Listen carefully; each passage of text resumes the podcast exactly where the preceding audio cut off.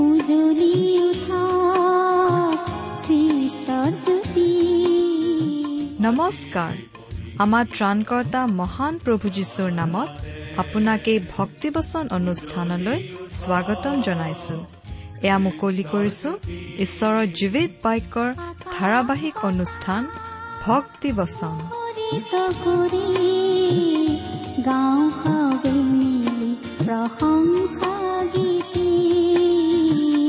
গাঁও হাৱে মিলি প্ৰশংসা গীতি আজিৰে পবিত্ৰ ক্ষণতে উজলি উঠা আপোনাৰ জীৱনত যদি শান্তি পাব বিচাৰে তেন্তে এয়া ঈশ্বৰৰ বাক্যৰ সান্তনা বাক্য ভক্তি বচন।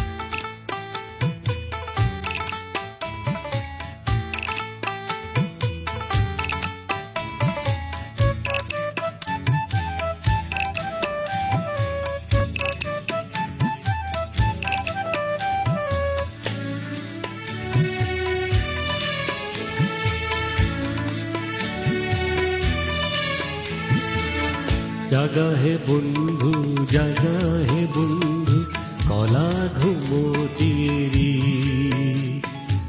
শুই থাকোতেই বেলি লহিয়াই আৰু নকৰা দেৰি জাগা হে বন্ধু জাগা হে বন্ধু কলা ঘুমতিৰি শুই থাকোতেই বেলি লহিয়াই আৰু নকৰা দেৰি পুনহে আজি শুভ বাতৰি হৃদয় শান্ত কৰা সৰগৰ দুৱাৰ হ'ল দুনয়ন ভৰি চোৱা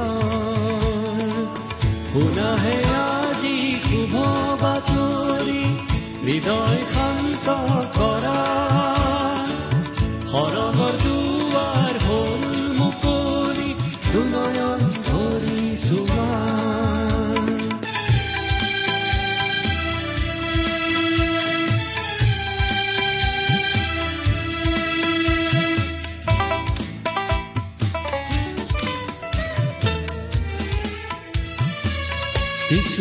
মাতে আহা কাষৰে ভয় শংকা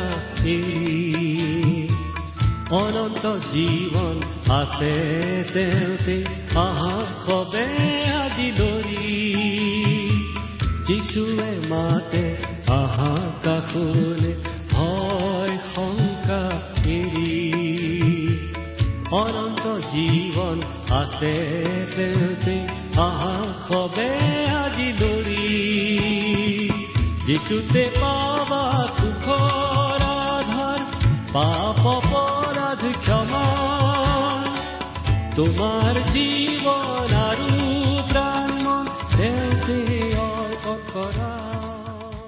আমাৰ মহান ত্ৰাণকৰ্তা প্ৰভু যীশুখ্ৰীষ্টৰ নামত নমস্কাৰ প্ৰিয় শ্ৰোতা। আশা কৰো আপুনি ভালে কুশলে আছে। লগতে এইবুলি আশা কৰিছো যে আপুনি আমাৰ এই ভক্তিবচন অনুষ্ঠানটো নিয়মিতভাৱে শুনি আছে। এই অনুষ্ঠান শুনি কেনে পাইছে আমালৈ চিঠি লিখি জনাবচোন। আমাৰ ঠিকনা। ভক্তিবচন টি ডাব্লিউ আৰ ইণ্ডিয়া।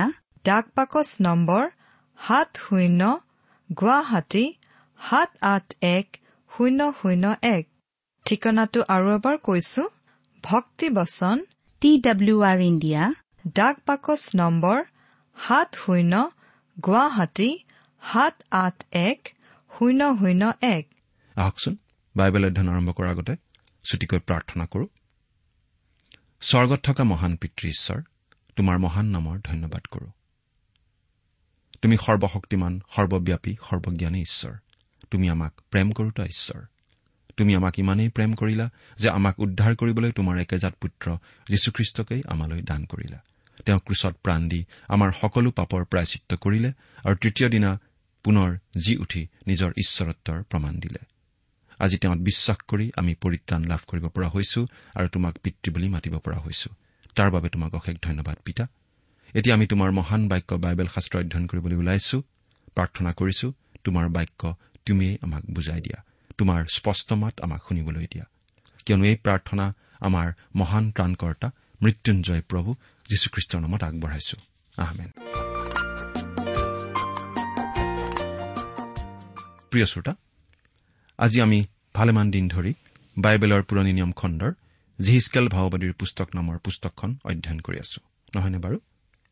যোৱা অনুষ্ঠানত আমি এই পুস্তকৰ তেত্ৰিশ নম্বৰ অধ্যায়টো চাইছিলো। আজি চৌত্ৰিশ নম্বৰ অধ্যায়ৰ এক নম্বৰ পদৰ পৰা আলোচনা আৰম্ভ কৰিব খুজিছো। আমি যোৱা অনুষ্ঠানত পাইছিলো জিৰচালেম ধ্বংস হৈছিল।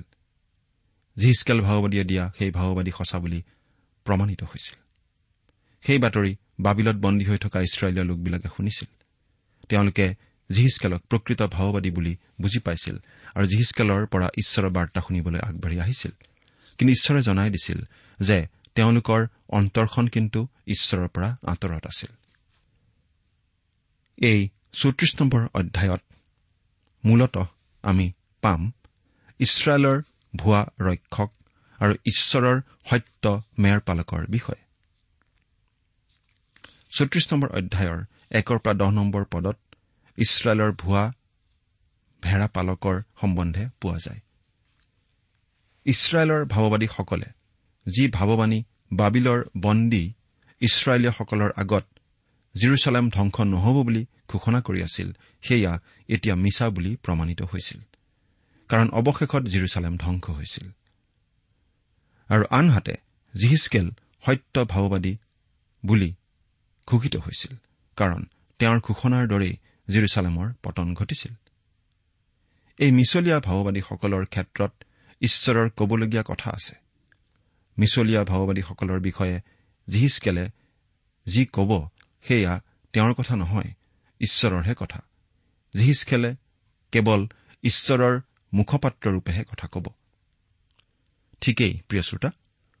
আজিকালি ৰাইজৰ সেৱাৰ নামত উন্নতিৰ লক্ষ্যত বহু খ্ৰীষ্টীয় সংগঠন আৰু সংস্থাৰ সৃষ্টি হৈছে যিবোৰে কৈছে সেৱা কৰিব লাগে উন্নতি সাধন কৰিব লাগে।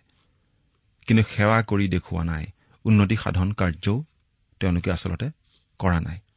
বহু সময়ত এইবোৰেৰে নিজৰ সেৱা কৰি নিজৰেইহে উন্নতি সাধন কৰা দেখা যায়।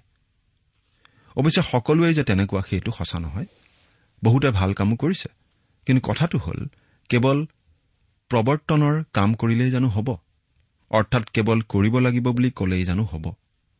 মনত ৰাখিব পইচাখিনিও ৰাইজৰ সেৱা আৰু উন্নতিৰ কাৰণে আপোনাৰ উন্নতি আৰু সেৱাৰ কাৰণে। ইছৰাইলৰ ভুৱা ভাওবাদীসকলে কৰাৰ দৰে কৰি আপুনিও অভিনয় নকৰিব কাৰণ ইছৰাইলৰ ভুৱা ভাওবাদীসকলে ঈশ্বৰৰ বচন নিদি নিজৰহে বচন দিছিল। এতিয়া আমি বাইবেলৰ পৰা পাঠ কৰি যাম। প্ৰথমতে আমি পাওঁ ইছৰাইলৰ ভুৱা ৰখীয়া বা ভাৱবাদীৰ কথা। সেই ভুৱা ভাৱবাদীবিলাক ভুৱা বুলি প্ৰমাণিত হৈছিল কাৰণ তেওঁলোকে জিৰচালেম ধ্বংস নহয় বুলি আশ্বাস দি আহিছিল। আনহাতে জিহিচকেলে জিৰচালেম ধ্বংস হ'ব বুলি ঘোষণা কৰি আহিছিল। জিহিচকেলৰ কথা সঁচা বুলি প্ৰমাণিত হৈছিল। এই ভুৱা ভাওবাদীবিলাকৰ বিষয়ে ঈশ্বৰৰ কবলগীয়া কথা আছে। চৌত্ৰিশ নম্বৰ অধ্যায়ৰ এক আৰু দুই নম্বৰ পদ দুটা পঢ়ি দিছো। পুনৰাই জিহুৱাৰ বাক্য মোৰ ওচৰলৈ আহিল বোলে হে মনুষ্য সন্তান তুমি ইছৰাইলৰ ভেড়াৰখীয়াবিলাকৰ বিৰুদ্ধে ভাৱবাণী প্ৰচাৰ কৰা। ভাৱবাণী প্ৰচাৰ কৰি তেওঁবিলাকক কোৱা প্ৰভু জীহুৱাই এই কথা কৈছে নিজকেই প্ৰতিপালন কৰা ইছৰাইলৰ ভেড়াৰখীয়াবিলাক সন্তাপৰ পাত্ৰ। ভেড়াৰখীয়াবিলাকে জানো ভেড়াবোৰক প্ৰতিপালন কৰিব নালাগে? ভুৱা ভাওবাদীবিলাকৰ বিষয়ে এইবোৰ কথা জিহিচকেলে কোৱা নাই ঈশ্বৰেহে এনেদৰে কৈছিল। আচলতে আমি কোনো এটা বিশেষ মণ্ডলী বা বিশেষ এটা খ্ৰীষ্টীয় অনুষ্ঠান বা পৰিচৰ্যাৰ বিষয়ে ঢাক ঢোল বজাই প্ৰচাৰ কৰা ঠিক নহয়।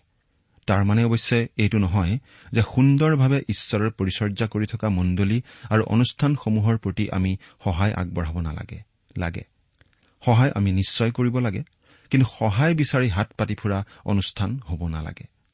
অৰ্থাৎ যিকোনো অনুষ্ঠান বা মণ্ডলীৰ মূল কামটো হ'ব লাগে ঈশ্বৰৰ সেৱা কৰা মানুহৰ মাজত ঈশ্বৰৰ বাক্য বিলোৱা। সহায় ভিক্ষা কৰি ফুৰাটো মুখ্য কাম হৈ পৰিব নালাগে। আচলতে মানুহক ঈশ্বৰৰ বাক্যেৰে সেৱা নকৰি মানুহৰ পৰা সহায় ভিক্ষা কৰাৰ কোনো অধিকাৰ কাৰো নাই।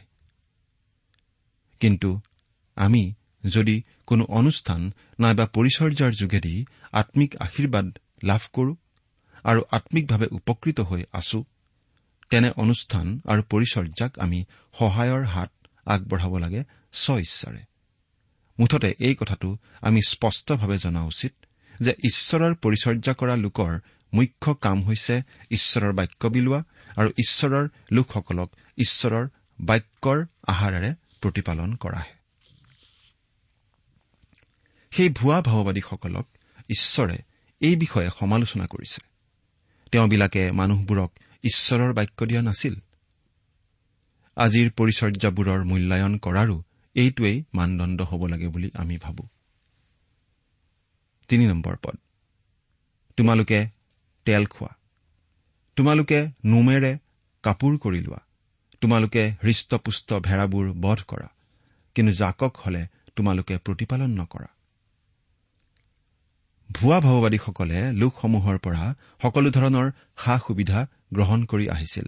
কিন্তু তেওঁলোকক ঈশ্বৰৰ বাক্যেৰে প্ৰতিপালন কৰা নাছিল। তেওঁলোকক ঠগুৱাৰ নিচিনা হৈছিল।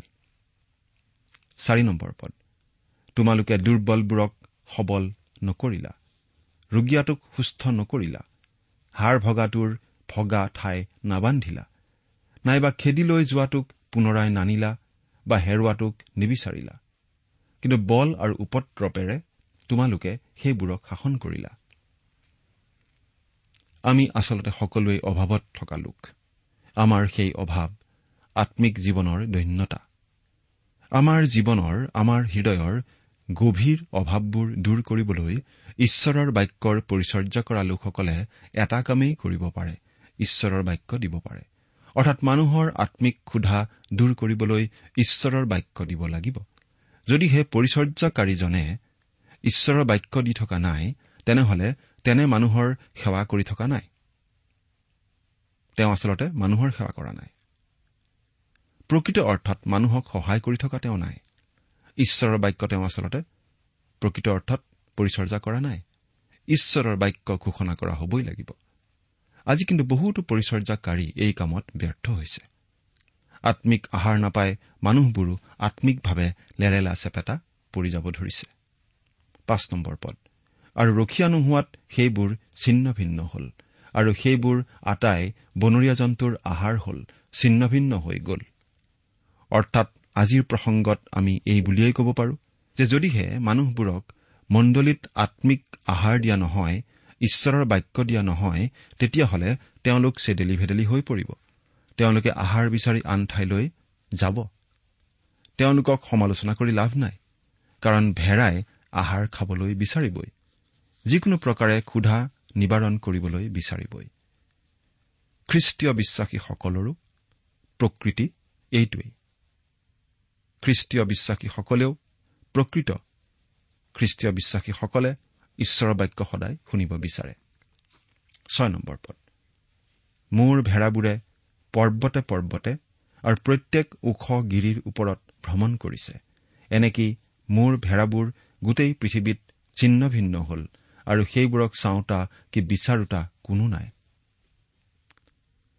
ইছৰাইলীয় লোকবিলাকক ঈশ্বৰৰ বাক্যেৰে প্ৰতিপালন কৰোতা কোনো নোহোৱা কাৰণে তেওঁলোক অনাই বনাই ঘূৰি ফুৰিছে বুলি ঈশ্বৰে দুখ কৰিছে। এতিয়া আমি একেলগে সাত নম্বৰ পদৰ পৰা দহ নম্বৰ পদলৈকে পাঠ কৰি দিম। ইয়াত আমি এনেদৰে পাওঁ এই হেতুকে হে ভেড়াৰখীয়াবিলাক জিহুৱাৰ বাক্য শুনা।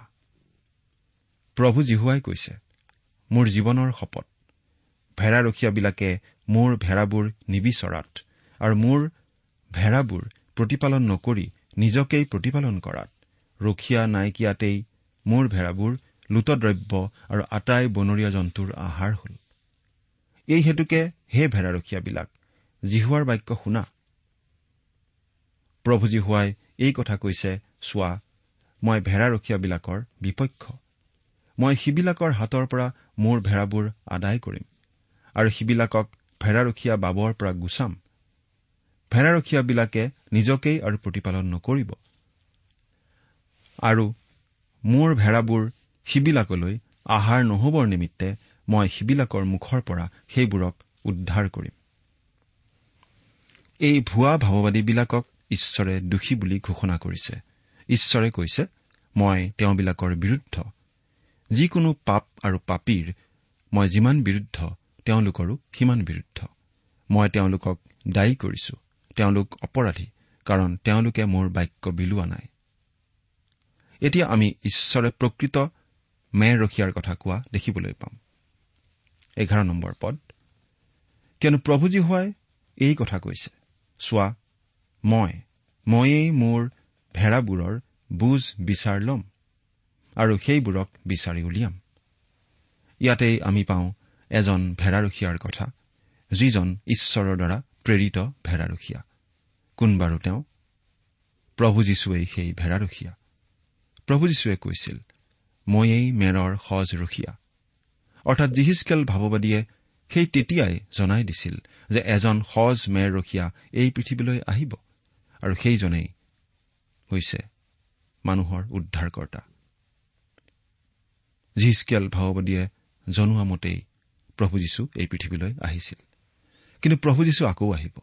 কাৰণ এই পৃথিৱীখন প্ৰতিপালন কৰাৰ বিষয়ে যি ভৱিষ্যৎবাণী সেই ভৱিষ্যৎবাণী তেওঁৰ যোগেদি সিদ্ধ হবলৈ এতিয়াও বাকী আছে। অৰ্থাৎ এতিয়া আমি ভৱিষ্যতৰ পিনে চাব ধৰিছো। এই যি কথাবোৰ আমি পঢ়ি আছো সেই বাবিলনত বন্দী হৈ থকা ইছৰাইলীয়া লোকসকললৈ এয়া আছিল ঈশ্বৰৰ সান্তনাৰ বাণী। তেওঁলোকে ঈশ্বৰৰ এই বচনলৈ কাণ পতা উচিত। তেওঁই ভেড়াৰখীয়া সজ ভেড়াৰখীয়া মহান ৰক্ষক ভেড়াবোৰৰ মুখ্য ৰক্ষক। তেওঁ কৈছে মই ভেড়াবোৰ বিচাৰি উলিয়াম। ডায়ুদে কৈছিল জিহুৱা মোৰ ৰক্ষক মোৰ অভাৱ নহ'ব। এই অধ্যায়টোৰ বাকীখিনি অংশত আমাৰ সকলোতকৈ চকুত পৰা বিষয়টো হৈছে ঈশ্বৰে নিজে কৰিম কৰিম বুলি বাৰে বাৰে উল্লেখ কৰাটো। এঘাৰ নম্বৰ পদৰ পৰা ঊনত্ৰিশ নম্বৰ পদলৈকে মুঠতে ওঠৰ বাৰ আমি এই কথাটো পাওঁ যে ঈশ্বৰে নিজে কিবা কৰিম বুলি কৈছে। অৰ্থাৎ আমি এতিয়া এটা নতুন সুৰ ইয়াত পাইছো। ঈশ্বৰে কৈছে মই কৰিম। মই নিজে দায়িত্ব লৈছো। আৰু এইদৰে কোৱা ঈশ্বৰে নিজৰ অনুগ্ৰহ প্ৰকাশ কৰিছে। সজ মেৰ ৰখীয়া প্ৰভু যীশুৱে এনেদৰে কৈ গৈছে আৰু এতিয়াও কৈ আছে হে পৰিশ্ৰান্ত আৰু ভাৰাক্ৰান্ত লোকসকল মোৰ ওচৰলৈ আহা মই তোমালোকক জিৰণি দিম। মুঠি এঘাৰ অধ্যায় আঠাইছ পদ। সেই মহান মেৰ ৰখীয়া প্ৰভু যীশুৱে এই বুলিও কৈছিল। আৰু মই সেইবিলাকক অনন্ত জীৱন দিওঁ। তাতে সেইবিলাক কেতিয়াও নষ্ট নহব আৰু কোনেও মোৰ হাতৰ পৰা সেইবিলাকক কাঢ়ি নলব। জোহন দহ অধ্যায় আঠাইছ পদ। এৰা আমাৰ মহান মেৰৰখীয়া প্ৰভু যীশুৱে এনেদৰে কৈছে আপুনি তেওঁতেই আশ্ৰয় লৈ তেওঁৰ হাতৰ ভেড়া পোৱালি হৈছেনে?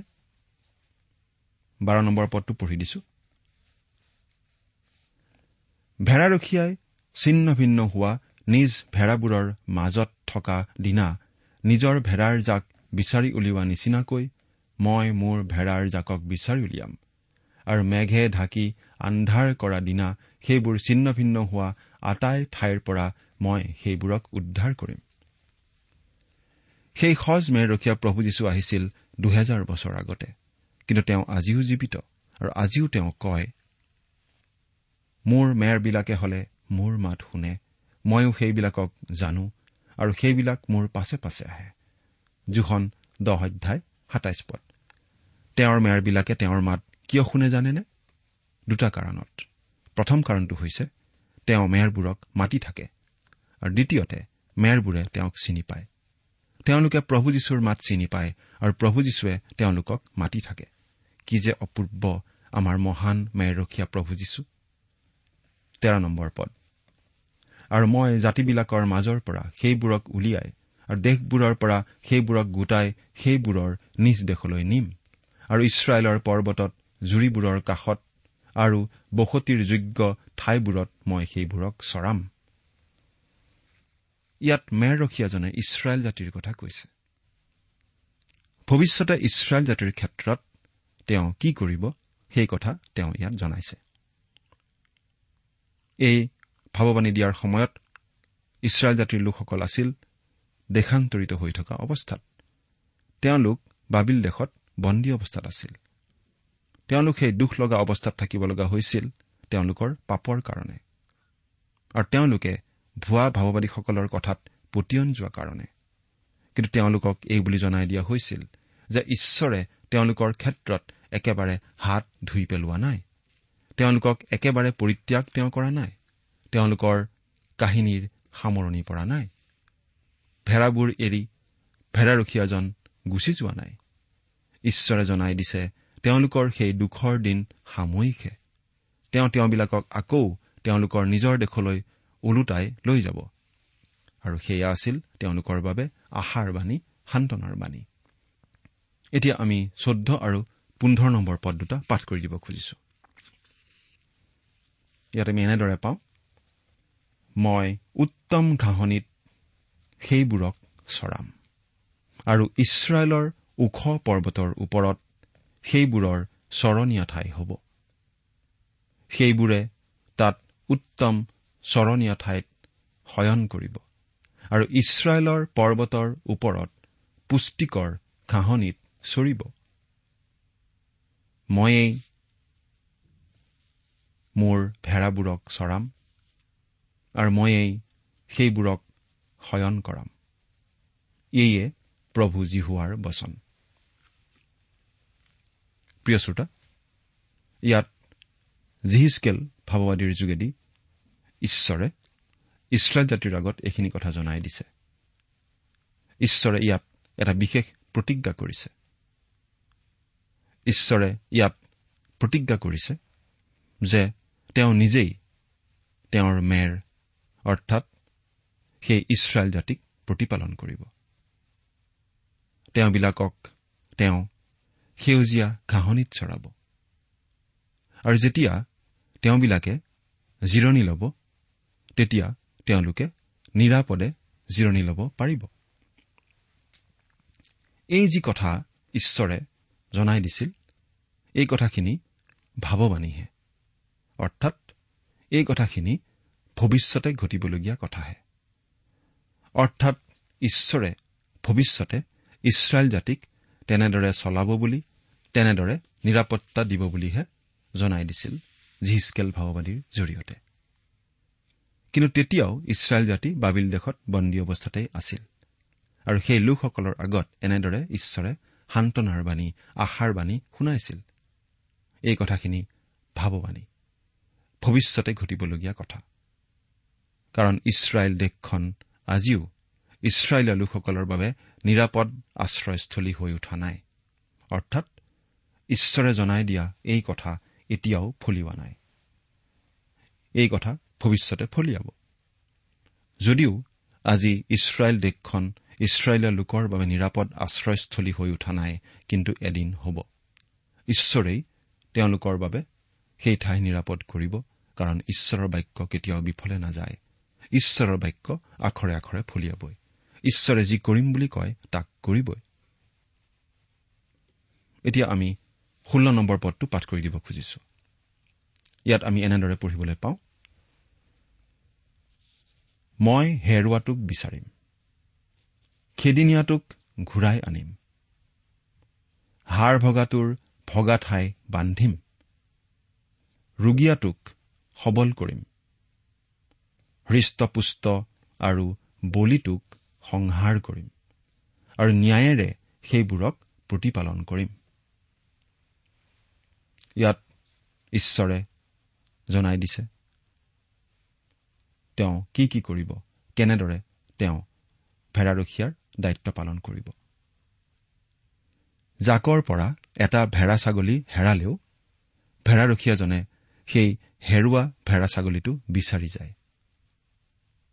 আৰু সজ ভেড়াৰখীয়াজন তেনেকুৱাই হয়। ঈশ্বৰেও ইছৰাইল জাতিৰ ক্ষেত্ৰত তাকেই কৰিব বুলি জিহিচকেল ভাওবাদীৰ যোগেদি জনাই দিছে। আৰু আজি প্ৰভু যীশুখ্ৰীষ্টই খ্ৰীষ্টীয় মণ্ডলীৰ ক্ষেত্ৰতো আচলতে তাকেই কৰে আৰু কৰি আছে। প্ৰভু যীশুখ্ৰীষ্টই এই হেৰুৱা মেৰৰ দৃষ্টান্ত এটা দিছিল আৰু তাত তেওঁ এনেদৰে কৈছিল যে এজন মেৰৰখীয়াৰ এশটা মেৰ আছিল আৰু সেই এশটা মেৰৰ মাজৰ পৰা এটা মেৰ হেৰাইছিল। তেতিয়া সেই মেৰৰখীয়াজনে বাকী থকা নিৰান্নব্বৈটা মেৰক এৰি সেই হেৰুৱা মেৰটো বিচাৰি ফুৰিছিল আৰু হেৰুৱা মেৰটো বিচাৰি পাই আনন্দ মনে লৈ আহিছিল। সেই মেৰৰখীয়াজনে কোৱা নাছিল মোৰতো নিৰান্নব্বৈটা মেৰ আছেই এটাহে মাত্ৰ হেৰাইছে। হেৰাল হেৰাল আৰু সেইটোৰ কথা চিন্তা কৰি কি লাভ? বাকী নিৰান্নব্বৈটাক লৈ সন্তুষ্ট থাকিলেই হ'ল। নাই। সেই মেৰৰখীয়াজনে তেনেদৰে কোৱা নাছিল। বৰং সেই মেৰৰখীয়াজনে কৈছিল মোৰ এশটা মেৰ আছিল। গতিকে মোৰ এশটা মেৰেই থাকিব লাগিব। এটা মেৰকো মই হেৰাই যাবলৈ নিদিওঁ। সেই হেৰাই যোৱা মেৰটো মই বিচাৰি উলিয়াবই লাগিব। মই সেই হেৰাই যোৱা মেৰটো বিচাৰি উলিয়ামেই। আৰু সঁচাকৈ তেওঁ বিচাৰি উলিয়াইছিল। প্ৰিয় শ্ৰোতা আজি প্ৰতিজন খ্ৰীষ্টীয় বিশ্বাসীয়ে এই কথা কোৱা উচিত। মই স্বৰ্গলৈ যাবলৈ পাম। মই খুব স্মাৰ্ট খুব বুদ্ধিয়ক মেৰ পোৱালিৰ কাৰণে নহয় সকলো মেৰ আচলতে মূৰ্খ। মই স্বৰ্গলৈ যাবলৈ পাম কাৰণ মোৰ এজন মহান ৰখীয়া আছে। তেওঁৱেই মোক বিচাৰি পালে। তেওঁৱেই মোক কেতিয়াও হেৰাই যাবলৈ নিদিব। তেওঁৱেই মোক নিৰাপদে স্বৰ্গলৈ লৈ যাব। প্ৰিয় শ্ৰোতা সেই সজ মেৰ ৰখীয়া প্ৰভু যীশুখ্ৰীষ্টত আপুনি আশ্ৰয় লৈছেনে? তেওঁৰ হাতৰ মেৰ আপুনি হৈছেনে? প্ৰভু যীশুৰ হাতত যে আপুনি নিৰাপদ সেই কথা আপুনি অন্তৰত অনুভৱ কৰি আছেনে? চিন্তা কৰি চাওকচোন। ঈশ্বৰে আপোনাক আশীৰ্বাদ কৰক। আমেন যিচুতে পাবা সুখৰ আধাৰ পাপ অপৰাধ ক্ষমা। তোমাৰ জীৱন আৰু প্ৰাণ মন তেওঁতে অৰ্পণ কৰা।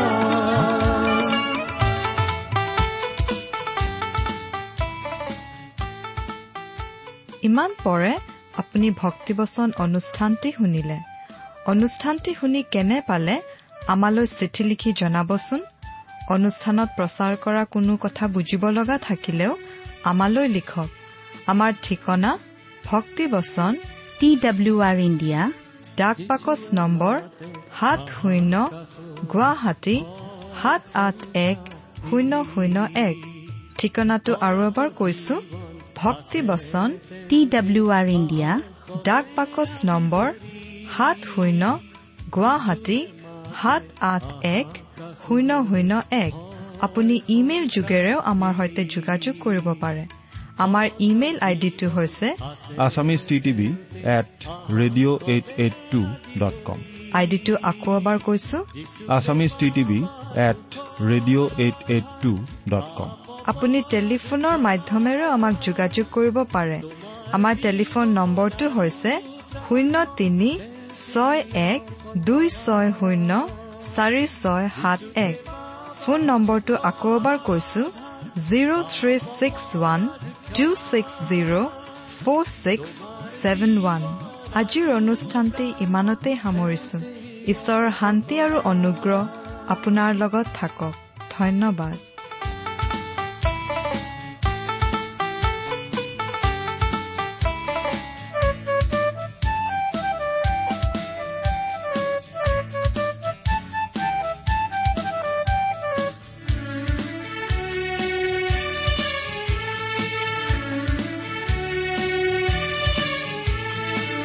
যিচুৱে মাতে আহা কাষৰে ভয় শংকা